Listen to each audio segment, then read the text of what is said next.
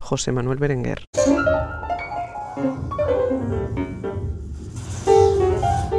Primera parte.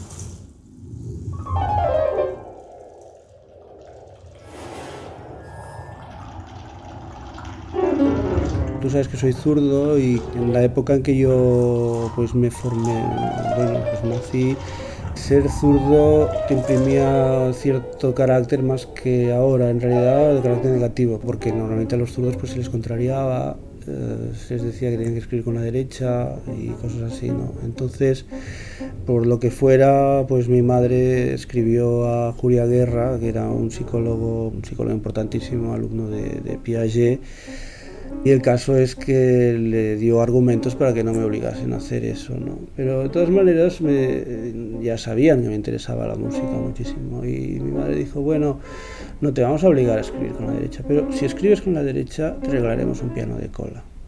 Pero yo fui incapaz de escribir con la derecha, así que nunca tuve piano de cola. así que en la trastienda de la farmacia de mi madre, pues a esa edad debería tener como 14 años, descubrió una guitarra. Y no sé ni de quién era, en realidad no me acuerdo de la historia. Sé que, sé que estaba ahí esa guitarra y que la puse a tocar y que me gustó mucho y que entonces me pusieron un profesor de guitarra y empecé a tocar las piezas de la literatura guitarrística empezando por lo más fácil hasta que las cosas se fueron complicando, eh, con un profesor particular, o sea, nunca quise estar en el conservatorio porque era una cosa como muy mía, muy interna, muy, muy personal la, cosa de la guitarra, entonces no, no, evidentemente admitía que me, alguien me la enseñara, pero lo que no admitía era, digamos, un reglaje social. Y bueno, pues antes de la veintena pues tuve la suerte, como tantos otros de mi generación, de escuchar a Toti Soler.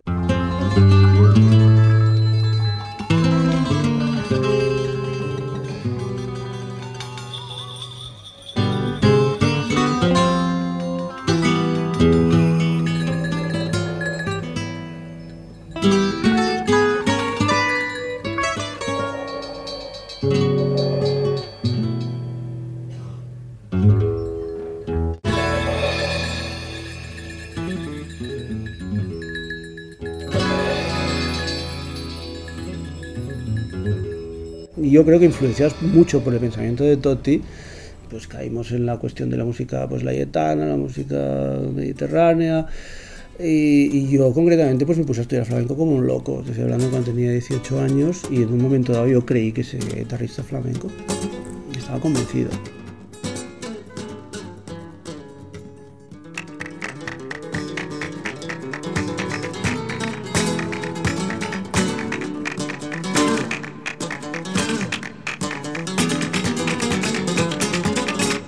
Pero las cuestiones culturales son muy importantes. Entonces las cuestiones culturales influyen muchísimo. Yo era un, quería ser un guitarrista flamenco, pero hippie. Porque bueno, yo era un estudiante de medicina, absolutamente embebido de, de, de, pensamiento 68 aunque yo no pertenezco a la generación del 68, pero sí que, bueno, en fin, toda la cuestión psicodélica, yo había 18 años, creo que había probado todo lo que había en ese momento, o sea, todo lo que no podía acceder, digamos, quiero decir, de sustancias psicodislépticas, luego hice estudios al respecto de esto, estudios sistemáticos, digamos. Yo choqué, choqué con el mundo del flamenco de una manera terrible, muy abrupta. Yo tenía un maestro, bueno, tuve dos, uno que era José Camarasa, que era, digamos, el maestro proletario, digamos, que había sido taxista y que luego tocaba la guitarra y tal igual. Y luego tuve uno, pues, digamos, elitista, que, pues, que es este, Serra. Pero digamos que el espíritu del flamenco fue con, Camarasa, ¿no? O sea, con la, la, cuestión de ir a las peñas a tocar y tal. Y el niño, pues sí, toca bien el niño, no sé qué, pero le falta, de todas maneras, le falta sufrir. Tendría que ir a destibador al muelle y no sé cuántos. Y tendría que... Eh, y tienes que ir a los toros, Quillo, tienes que ir a los toros. Y digo, bueno, pues voy a ir a los toros, venga, maestro. y fui a los toros. Y entre eso, y entre que en esa época el rol social que se le exigía a un chico con respecto de las chicas y de las mujeres, lo que se le exigía a uno era que en realidad se comportase como mi ideología igualitaria y todo el asunto no me hubiese permitido jamás ahí, ahí, no, ahí no, pude, no pude más con esto. Y entonces, pues un día le fui a cámaras y le dije, mire maestro, lo siento, pero, pero es que entiendo, he entendido que, que, no, que no es lo mío. Entonces a partir de ahí, pues bueno, tenía una técnica, tenía, pues había estudiado armonía, había estudiado contrapunto, había estudiado solfeo, evidentemente, y seguía tocando la guitarra seis horas diarias como un loco, porque siempre pensando que a pesar de todo la guitarra era mi, mi, mi instrumento. ¿no?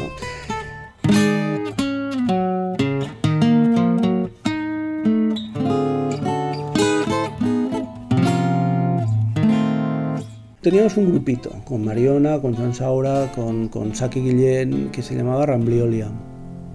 Y era un grupo, pues eh, nos gustaba mucho Henry nos gustaban los 5 4 los 7 8 los no sé qué, y, y todo, en fin, todas las cosas de amalgama, así bien difíciles de tocar y que no, bueno, yo era incapaz de tocar todo eso bien, pero bueno, nos gustaba mucho y nos pasábamos el día contando los compases. También estaba este José Palomas, que murió hace ya unos años, que era miembro de Conic. Este era un grupo sui generis. Joan Saura, compositor e improvisador. Experimentos. Era un grupo muy acústico, aunque había piano eléctrico y guitarra eléctrica, pero, pero en cambio experimentábamos con sonoridades y un tipo de, de como, y con compases de amalgama y lo que nosotros entendíamos que había de ser una música ya de experimental, experimentábamos eh, en nuestra medida. ¿no? Y allí eh, tres de los miembros, que éramos Mariona Castelar, que tocaba flauta, José Manuel, guitarrista, y yo, eh, teníamos una laguna que es que queríamos estudiar armonía y no encontrábamos un profesor adecuado. Y Mariona nos comentó que le habían hablado de un profesor eh, chileno que había venido, eh, interesante, y, y, bueno, fuimos pues a hablar con él para ver si nos podía dar clases de armonías. Y sin saberlo aparecimos en un chalet de Sarriá, donde estaba el primer estudio Fonos. Bueno, cuando fuimos a encontrarnos, este profesor de armonía era Gabriel Breinchick. Y hablamos con él, una persona entrañable, encantador. Bueno, dijo que no quería hacer solo armonía, sino que haríamos contrapunto y un poco diferentes lenguajes compositivos. ¿no? Y tenía la gracia de que hacíamos un ejercicio de armonía, que era para cuatro voces, y cuando íbamos a clase al día siguiente o a la semana siguiente, este ejercicio lo grabábamos con un sintetizador, en un Revox y hacíamos ping-pongs con el Revox. Con lo cual empezamos a utilizar unas herramientas que nosotros no sabíamos ni que existían, un oscilador, hasta empezaba a, afinarse y nos fue creando una... nos fue familiarizando con este lenguaje. Uh, José Manuel se compró un sintetizador Korg que era apasionante, ¿no? la centralita, hacíamos viento, nos pasábamos el día haciendo viento, que no era más que ruido blanco, pero nos parecía maravilloso que pudiéramos hacer viento, pero sí, sí, fue, yo creo que de una manera así muy natural y, y sin proponérnoslo, nos fuimos adentrando en el, en, el, en el mundo de la música electrónica.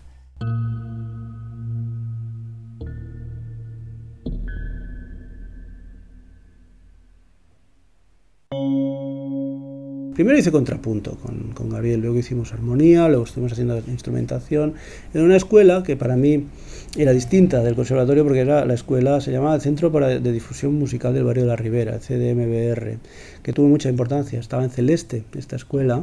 Era allí fue donde nació la Orquesta Platería, pero además de que fue donde nació la Orquesta Platería casi al mismo tiempo, fue donde yo vi por primera vez a Gabriel Brenchich tocar con Eduardo Polonio, con Navarrete y con Carlos Santos. Para mí ese fue un concierto importantísimo. Entonces ahí vi una cosa que me, que me impresionó muchísimo. O sea, vi tocar a Gabriel una pieza para viola y, y cinta magnética. Y la cinta magnética había, aparte de los sonidos electrónicos, también había una viola. Me fascinó la incapacidad que tenía yo para para eh, saber cuál era la de verdad. O sea, estaba muy bien puesto, o sea, estaba perfectamente articulado y ahí había pues una, una contradicción, ahí había un conflicto que me, que me resultaba pues interesantísimo.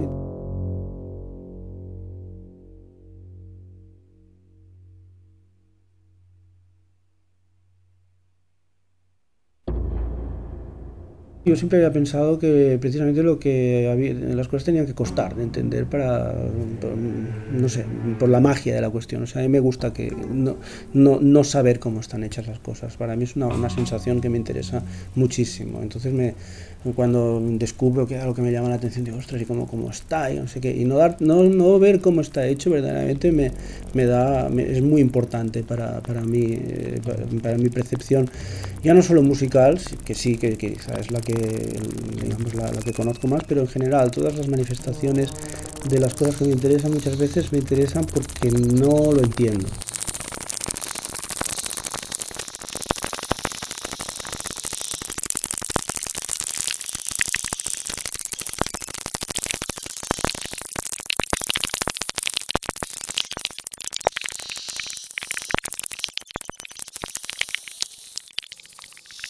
Eso es una, una llamada al conflicto que por otra parte siempre he buscado. O sea, y, he buscado de una manera inconsciente primero y luego de una manera consciente porque más o menos por esa época en que yo ya llevaba pues unos añitos, dos o tres, eh, trabajando con música electroacústica y tal, conocí pues a una persona que fue importantísima para mí, que es un compositor de la generación de Darmstadt, uh, un veneciano que también murió, que es Luigi Nono,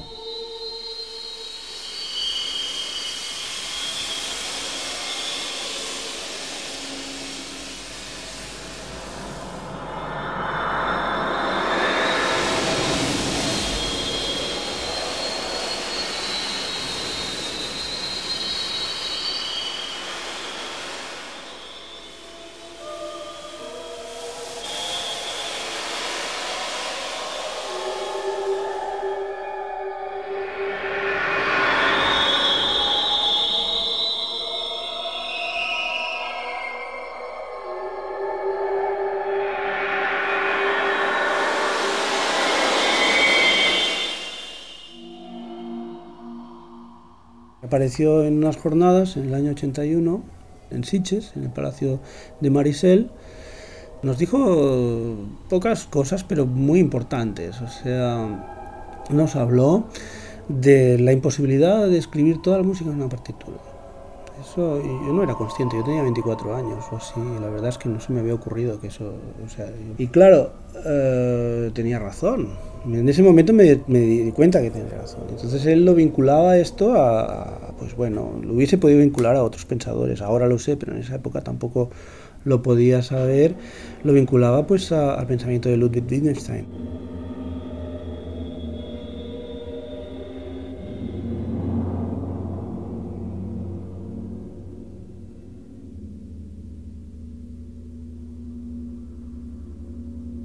Una de las cosas que nos veía, eh, nos veía a nosotros españoles era que, eh, que, no teníamos vínculo con la historia europea.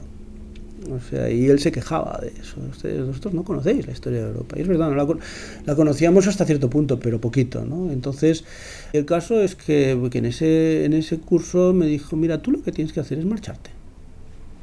Con esta idea de que tenía que saber más de la cuestión europea y no sé qué. Y pensé, pues igual tiene razón. Bueno, me lo creía a pies juntillas más que eso. Y entonces pues me fui, me, busqué un sitio donde me quisieran admitir y encontré dos sitios, uno era en el Sud-Westfunk, en, donde, donde estaba Luigi Nono, y otro en, en, Francia, en Bourges. El caso es que claro, que, que me dieron una beca para ir al Sud-Westfunk y yo no tenía ni idea de alemán, y me puse a estudiar alemán como un loco, pero al cabo de cuatro días me dieron la beca para ir a Bourges, entonces pensé, bueno, mira, me voy a Bourges porque sé hablar francés. Luego ya vi que no, pero...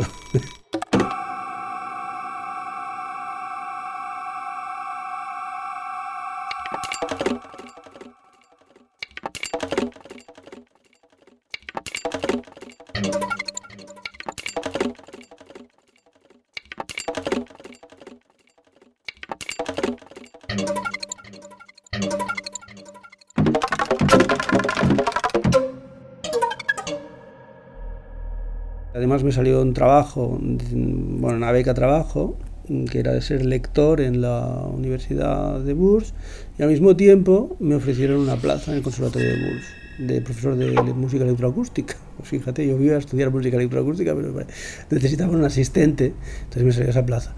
Entonces me volví funcionario.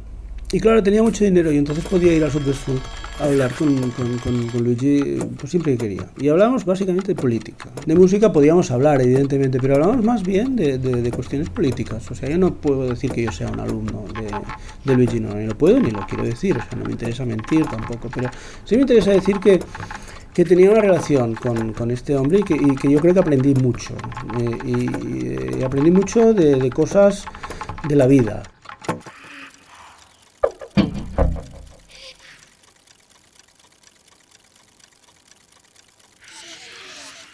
Entonces, claro, yo allí era primero un stagiaire, y luego, sí, luego fui un profesor del, del, conservatorio, pero bueno, un profesor de mierda, o sea, quiero decir, no.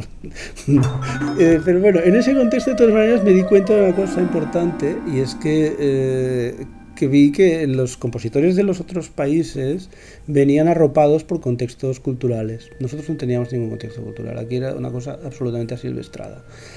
El problema de los políticos nuestros es que las cosas importantes no son las cosas de la experimentación, no es el I más D más I que le llaman y no sé qué. No, no, no, señor, no les importa un pepino eso. Pues bueno, el caso es que, que sí, que fue fuera cuando me di cuenta verdaderamente de, de, de dónde estaba, o sea, o de, o de, cuál era mi contexto. contexto sobre, sobre todo en el que no había, digamos, tejido político. Entonces, mucho antes de volverme, eh, pues yo estuve mm, pinchando y pinchando y pinchando a Gabriel y, sobre todo a Gabriel y Andrés, Andrés, Andrés Levin, eh, quiero decir, hablamos de, la, de, bueno, de que necesitamos un soporte asociativo como mínimo. Entonces creamos esa Asociación de Música Electroacústica de España, de la que fue el primer presidente Eduardo Polonio y que yo pues me encargué de la dirección.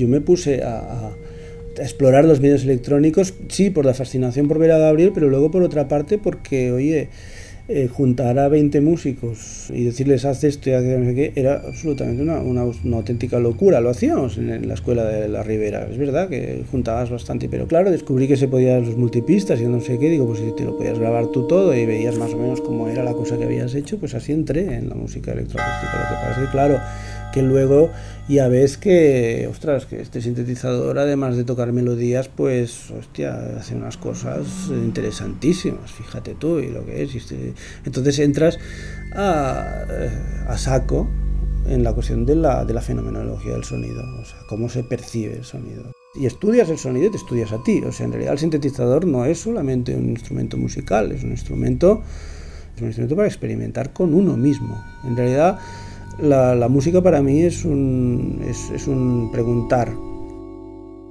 Eh, lo, lo, que es importante para mí en esa época es descubrir que, claro, que con los magnetofones puedes reproducir las cosas todas las veces que quieras. Y con los sintetizadores puedes hacer unos ruidos rarísimos, interesantísimos y que sobre todo te sirven, como que son tan simples, sirven para, para exponerte a ti ante eso y, preguntarte cómo, cómo estás percibiendo eso, qué es verdaderamente lo que estás oyendo. que Ahora subo la frecuencia y, realmente sube la altura o no, o, subo el nivel y ostras, subo y ¿cómo es que baja la altura cuando subo el nivel? Entonces empiezas a, a pensar en, en cuestiones que luego me di cuenta que, que, eran importantes desde el punto de vista de la composición, que era la cuestión psicoacústica, el pensamiento psicoacústico, que tiene que ver con los centros de investigación importantes de la época de los años 80 y 90, que son dos básicamente. Uno es el IRCAM en París y el otro es el CCRMA en, en Stanford.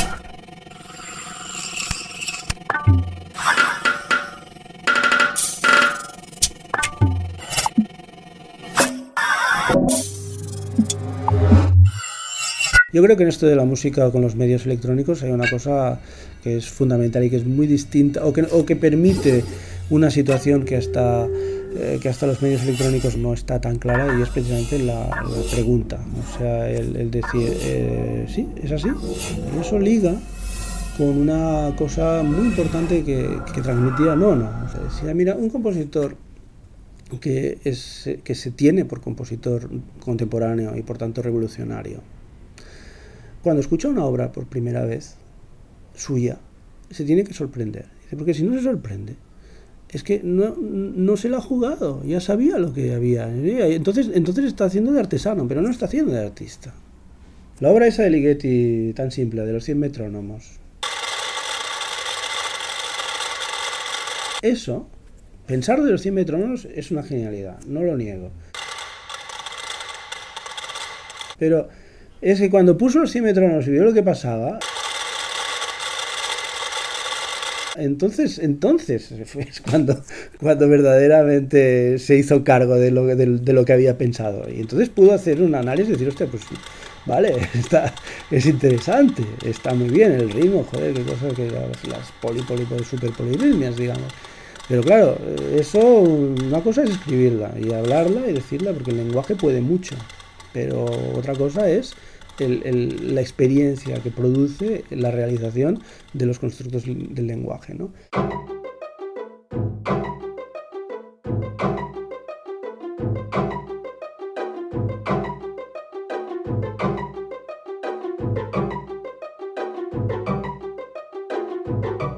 Pues las cosas fueron fueron yendo así hasta el año 87, 88, que volví a Barcelona. Estuve en el centro de jóvenes de la Caixa porque me dijeron que querían hacer un centro de música electroacústica. Luego ya vi que lo que querían era que pusieran unas cuantas máquinas para que los niños abrieran libretas. Y luego también al mismo tiempo pues me hice cargo de fonos. Yo dirigí fonos en esa época hasta el año 92. Luego buscando nuevos contextos, porque hay una cosa que me preocupa mucho y es la, el concierto, la forma de concierto. O sea, hay una cosa que me fastidia del concierto, es que el concierto es como si, fuera, como si fueras a misa. Los escenarios son, son, son como iglesias. Y, luego sale un tío ahí a tocar y parece un cura, en el fondo. ¿no? Tienes, tienes la PA, que es un public address. O sea, es un bicho que sirve para dirigirse al público. ¡Hala, venga! O sea que está muy claro quién es el público y quién es el otro. Y eso a mí, pues verdaderamente en esa época, y además habiendo tenido la experiencia del, del que es un instrumento que tienen en, Bourges, que es un difusor de, músicas, pues en fin, un conjunto de altavoces, pueden ser 80, pueden ser 100, 60, 50, tal. Eso era, era tan, tan impactante para mí, eso que y pensaba, claro, ya no estás en un concierto, estás, en, estás yendo al cine. Ya no es, ahí no hay nadie. Puedes mirar donde quieras. o sea que ahí aparece una despersonalización y a mí eso me interesaba mucho. Y quería llevarlo más lejos, por tanto la instalación me importaba mucho. Y entonces me estuve peleando por hacer instalaciones, aunque no pude hacer ninguna, porque verdaderamente no había el, digamos, el arte sonoro, ya me contarás lo que era cuando en, en, los años 80, o sea, en España quiero decir, o sea, no tenía mucho, mucho interés, ni interés ni posibilidad de, de, de, hacerse, digamos, porque pues había que hacer conciertos, qué coño, y en los conciertos pues es alguien que está tocando en un sitio y se le ve y se ve lo que hace y tal y cual, incluso cuando cuando Eduardo y yo hacíamos, proponíamos instalaciones de altavoces para ser, digamos, rellenadas con las músicas de los compositores electrónicas, ¿eh? o electroacústicas, en fin, llámales como quieras. Eh, la gente no quería, que, no quería poner sus, sus obras en esos contextos porque nadie aplaudía. O sea, porque la idea de ellos era que, bueno, que se empezaba la pieza y terminaba la pieza y entonces había que aplaudir. Y entonces salían ellos y fíjate qué bien, con ahí victoria, ¿no? Yo estoy mucho más satisfecho de las obras que he hecho puramente sonoras que las obras que he hecho, pero de las obras de gestuales, digamos. O sea, creo que va mucho más allá desde el punto de vista de la experimentación del sonido que las, que las propias, eh, digamos, performánticas.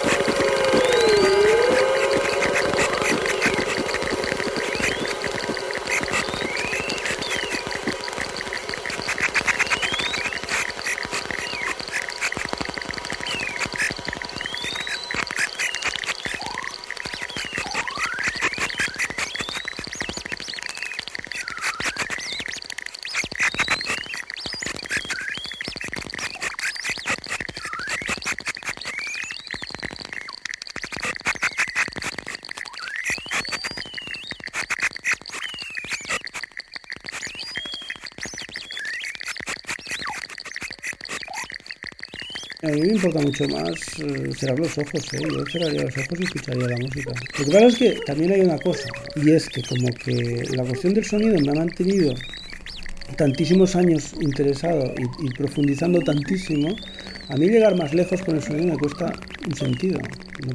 No, puedo llegar más lejos con facilidad. Tengo que, trabajar mucho más que cuando tengo que trabajar por imagen, por caso. Entonces esa es la razón por la que como que además ahora los ordenadores generan imagen y generan sonido tal y cual, pues hombre, me resulta mucho más gratificante hacer cosas para imagen porque como que no tengo ni idea, aprendo, digamos. Mientras que lo del sonido como que, que tengo en mi pasado, pues me cuesta muchísimo más ir, para adelante. Entonces, eh, pues bueno, pues estoy aprendiendo cosas. Para mí ahora al mirar eh, es una fuente de, experiencias nuevas, mientras que escuchar, aunque debería serlo, me cuesta más. Me cuesta más encontrar puntos nuevos y por eso cada vez hago menos piezas, menos piezas eh, de, audio puro y cada vez me estoy dedicando a hacer pues cosas, pues bueno, instalaciones, eh, circuitos electrónicos que hacen cosas raras o que no sé qué, que se autoorganizan, que tal, que esto, que lo otro, pero que, que dejan de, de, tener el sonido en el, en el punto central. La cuestión de la programación en sí es algo que que desde que desde yo trabajo en Fonos, en aquel ordenadorcito, vaya, fue fundamental para mí. Era, era digamos, la, la, escritura y era sobre todo el tratar de comprender el fenómeno sonoro. O sea, y, me refiero no a la escritura de la música, sino a la escritura del sonido, que no es exactamente lo mismo. Esa escritura de, del sonido y los algoritmos que yo había utilizado pues, para eso, para describir los sonidos, Ahora en este momento los estoy utilizando o estoy utilizando ese aprendizaje para describir otras cosas, ¿no? otras cosas que no son necesariamente sonidos.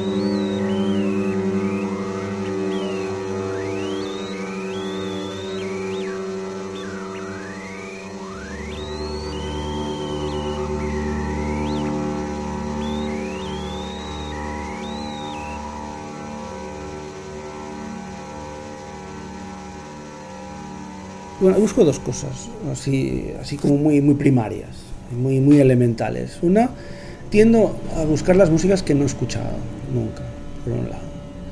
Y luego hay otra cosa que, que, es aún más primaria, y es que yo he sido montañero, y pues, tengo un problema, tengo el pie plano, entonces no puedo andar mucho, me canso mucho, pero, pero la naturaleza es una cosa que me, me gusta mucho. Y en la montaña hay una cosa maravillosa, y son las cascadas, y es el viento. O sea, yo cuando escucho una música mía de estas, me gusta mm, que me dé como, como que te da el viento, ¿sabes? O sea, como que estás ahí delante de las cataratas del Niágara, pongamos por caso.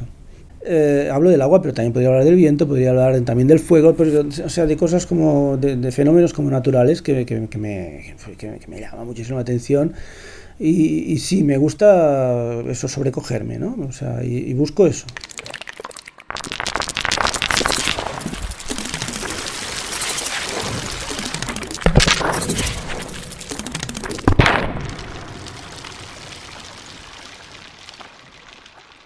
Y luego hay otro, otra cosa, otro recurrente que es que es muy importante en toda la producción mía, que es, eh, digamos, los grandes números. Los grandes números, así en general, se refieren a, a las masas de un gran número de componentes, ¿no? Tanto en, en la superposición de voces,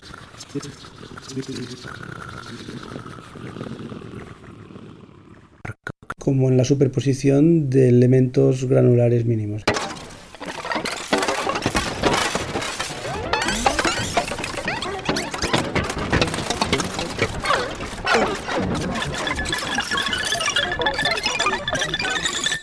entre el 99 y ahora, eh, la mayor parte de obras que he escrito pueden considerarse que utilizan como técnica la síntesis granular.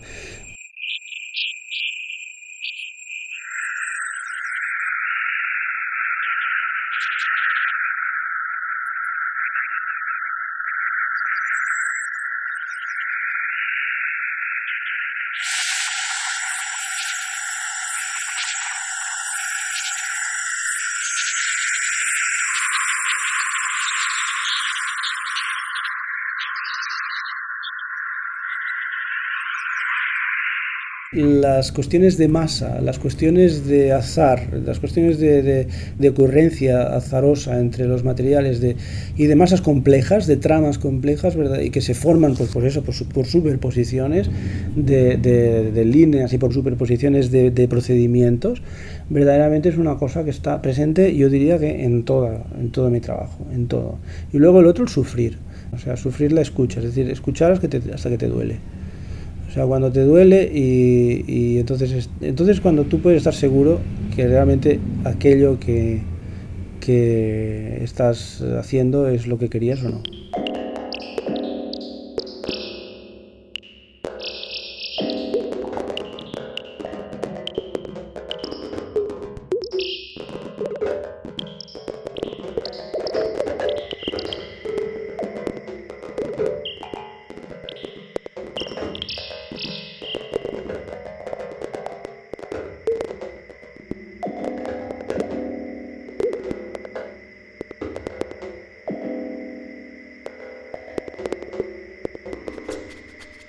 Soy José Manuel Berenguer, soy músico, esencialmente, pero soy una persona, sobre todo.